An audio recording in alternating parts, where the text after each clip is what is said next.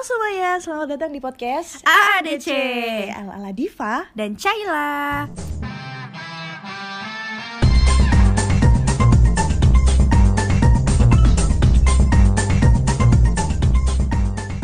Nah, di podcast kali ini kita bakalan bahas salah satu pahlawan revolusi Indonesia yang pastinya kalian udah gak asing lagi sama yang satu ini.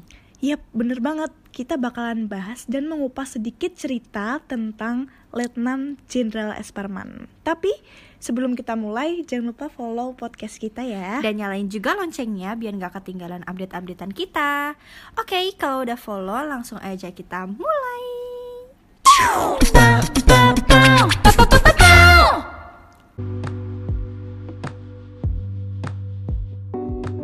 Sini, siapa sih yang gak kenal sama Letnan Jenderal TNI Anomertasi Suwondo Parman atau yang lebih kita kenal dengan nama S. Parman? Beliau merupakan salah satu pahlawan revolusi Indonesia dan tokoh militer Indonesia. Nah, pada kesempatan kali ini kita bakalan membahas sedikit mengenai biografi beliau. S. Parman lahir di Wonosobo, Jawa Tengah pada tanggal 4 Agustus 1918. Ayahnya bernama Kromo Diharjo bekerja sebagai seorang pedagang. Nah, S. Parman ini adalah anak keenam dari 11 bersaudara yang di mana kakak laki-lakinya yang bernama Insinyur Sakirman yang merupakan petinggi di Politbiro CCPKI. Nah, meskipun Kramudi Harjo ini hanyalah seorang pedagang di pasar Wonosobo, dia itu selalu mengusahakan agar anak-anaknya bisa memperoleh pendidikan yang setinggi-tingginya. Parman menyelesaikan pendidikan di HIS atau yang bisa dikenal dengan Sekolah Dasar Belanda di Wonosobo. Kemudian, ia melanjutkan ke Mulo atau Sekolah Menengah Pertama di Yogyakarta. Seharusnya nih, setelah dia lulus, Parman akan melanjutkan pendidikannya ke AMS yang setara dengan tingkat SMA.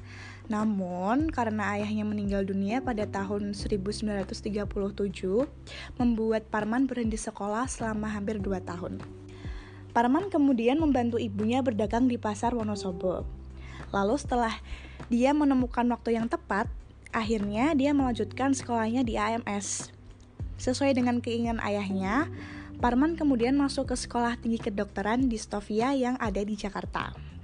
Namun lagi-lagi, sekolah Parman kembali terhambat karena adanya invasi Jepang pada tahun 1942. Suatu hari, ketika Parman sedang berada di Wonosobo, dia bertemu polisi militer Jepang yang mengatakan kalau mereka membutuhkan seorang yang bisa berbahasa Inggris sebagai penerjemah. Parman saat itu fasih berbahasa Inggris pun mengikuti Ken Petai hingga ke Yogyakarta. Meski membantu Jepang, rasa nasionalisme Parman tetap tinggi. Ia terus berhubungan dengan teman-temannya yang berjuang diam-diam untuk melawan Jepang. Nah, setelah Indonesia merdeka, Parman memilih untuk berkecimpung di dunia militer sebagai tempat pengabdiannya kepada negara. Selama agresi militer kedua, Parman juga ikut bergerilya di luar kota. Lalu selesai agresi, Parman sempat mengenyam pendidikan di Royal Military Academy atau semacam akmil di Breda, Belanda. Awal karir militer S. Parman ini dimulai dengan mengikuti Tentara Keamanan Rakyat atau TKR. Lalu pada akhir bulan Desember 1945, ia diangkat menjadi Kepala Staf Markas Besar Polisi atau PT di Yogyakarta. Pada bulan Desember 1949, setelah agresi kedua militer Belanda, ia ditugaskan sebagai Kepala Staf Gubernur Militer Jakarta Raya. Parman juga akan dikirim ke Amerika untuk mengikuti pendidikan di Military Police School. Namun sebelum ia dikirim ke Amerika, ia diangkat untuk menjadi Kepala Staf Gubernur. Lalu, kemudian setelah ia kembali dari Amerika Serikat, ia ditugaskan di Kementerian Pertahanan untuk kemudian diangkat menjadi atasan militer Republik Indonesia di London, Inggris pada tahun 1959. Lima tahun kemudian, yaitu pada tahun 1964, ia diserahi tugas sebagai asisten satu menteri atau panglima angkatan darat dengan pangkat mayor jenderal. Wow, keren banget ya perjuangan beliau ini. Setuju banget. Tahun demi tahun karir, karir Parman ini tuh terus menanjak. Nah, pada waktu ia memegang jabatan sebagai asisten satu bidang intelijen, pengaruh PKI ini nih udah meluas ke hampir seluruh bidang kenegaraan. Dan lawan utama PKI sendiri adalah Angkatan Darat. PKI menyebar opini publik bahwa Angkatan Darat ini berniat menggulingkan kepemimpinan Presiden Soekarno. Oleh karena itu, PKI mendesak Presiden untuk membentuk Angkatan Kelima yang di mana anggotanya adalah buruh dan tani yang dipersenjatai. Parman gak setuju dan ia menjadi salah satu pihak yang paling keras menolak rencana pembentukan Angkatan Kelima. Penolakan serta posisinya yang sebagai pejabat intelijen yang tahu banyak tentang PKI membuat dia menjadi sasaran utama PKI. Akhirnya, pada dini hari tanggal 1 Oktober 1965, Parman diculik gerombolan G30 SPKI yang dipimpin oleh Serma Satar dari Resimen Cakrabirawa.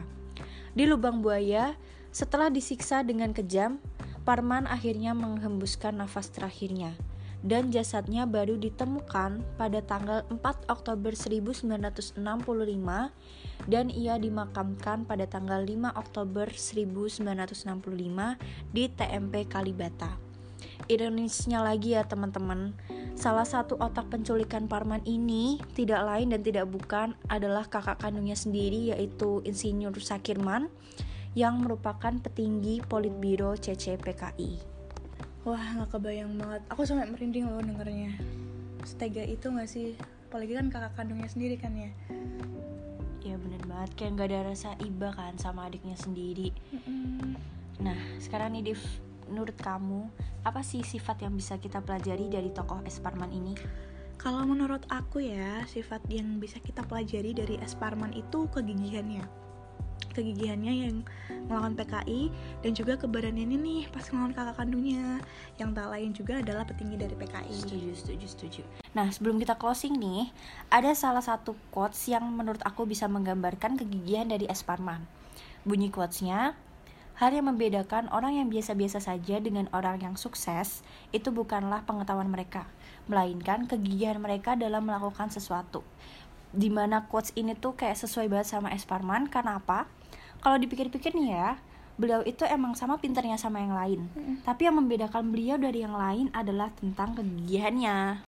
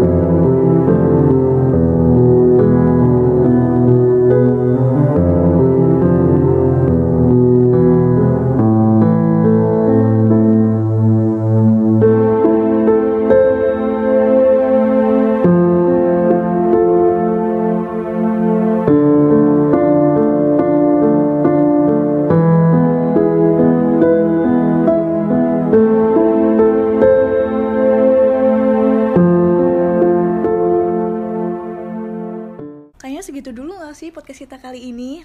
Eh, BTW BTW, aku ada pantun nih. Apaan tuh? Lantai bersih disiram soklin. Cakep. Makasih buat kalian yang udah dengerin. See you on the next podcast. Maaf kalau ada salah-salah kata ya guys. Aku Diva. Dan aku Caila. Pamit undur diri. Bye bye, sampai ketemu lagi di lain kesempatan.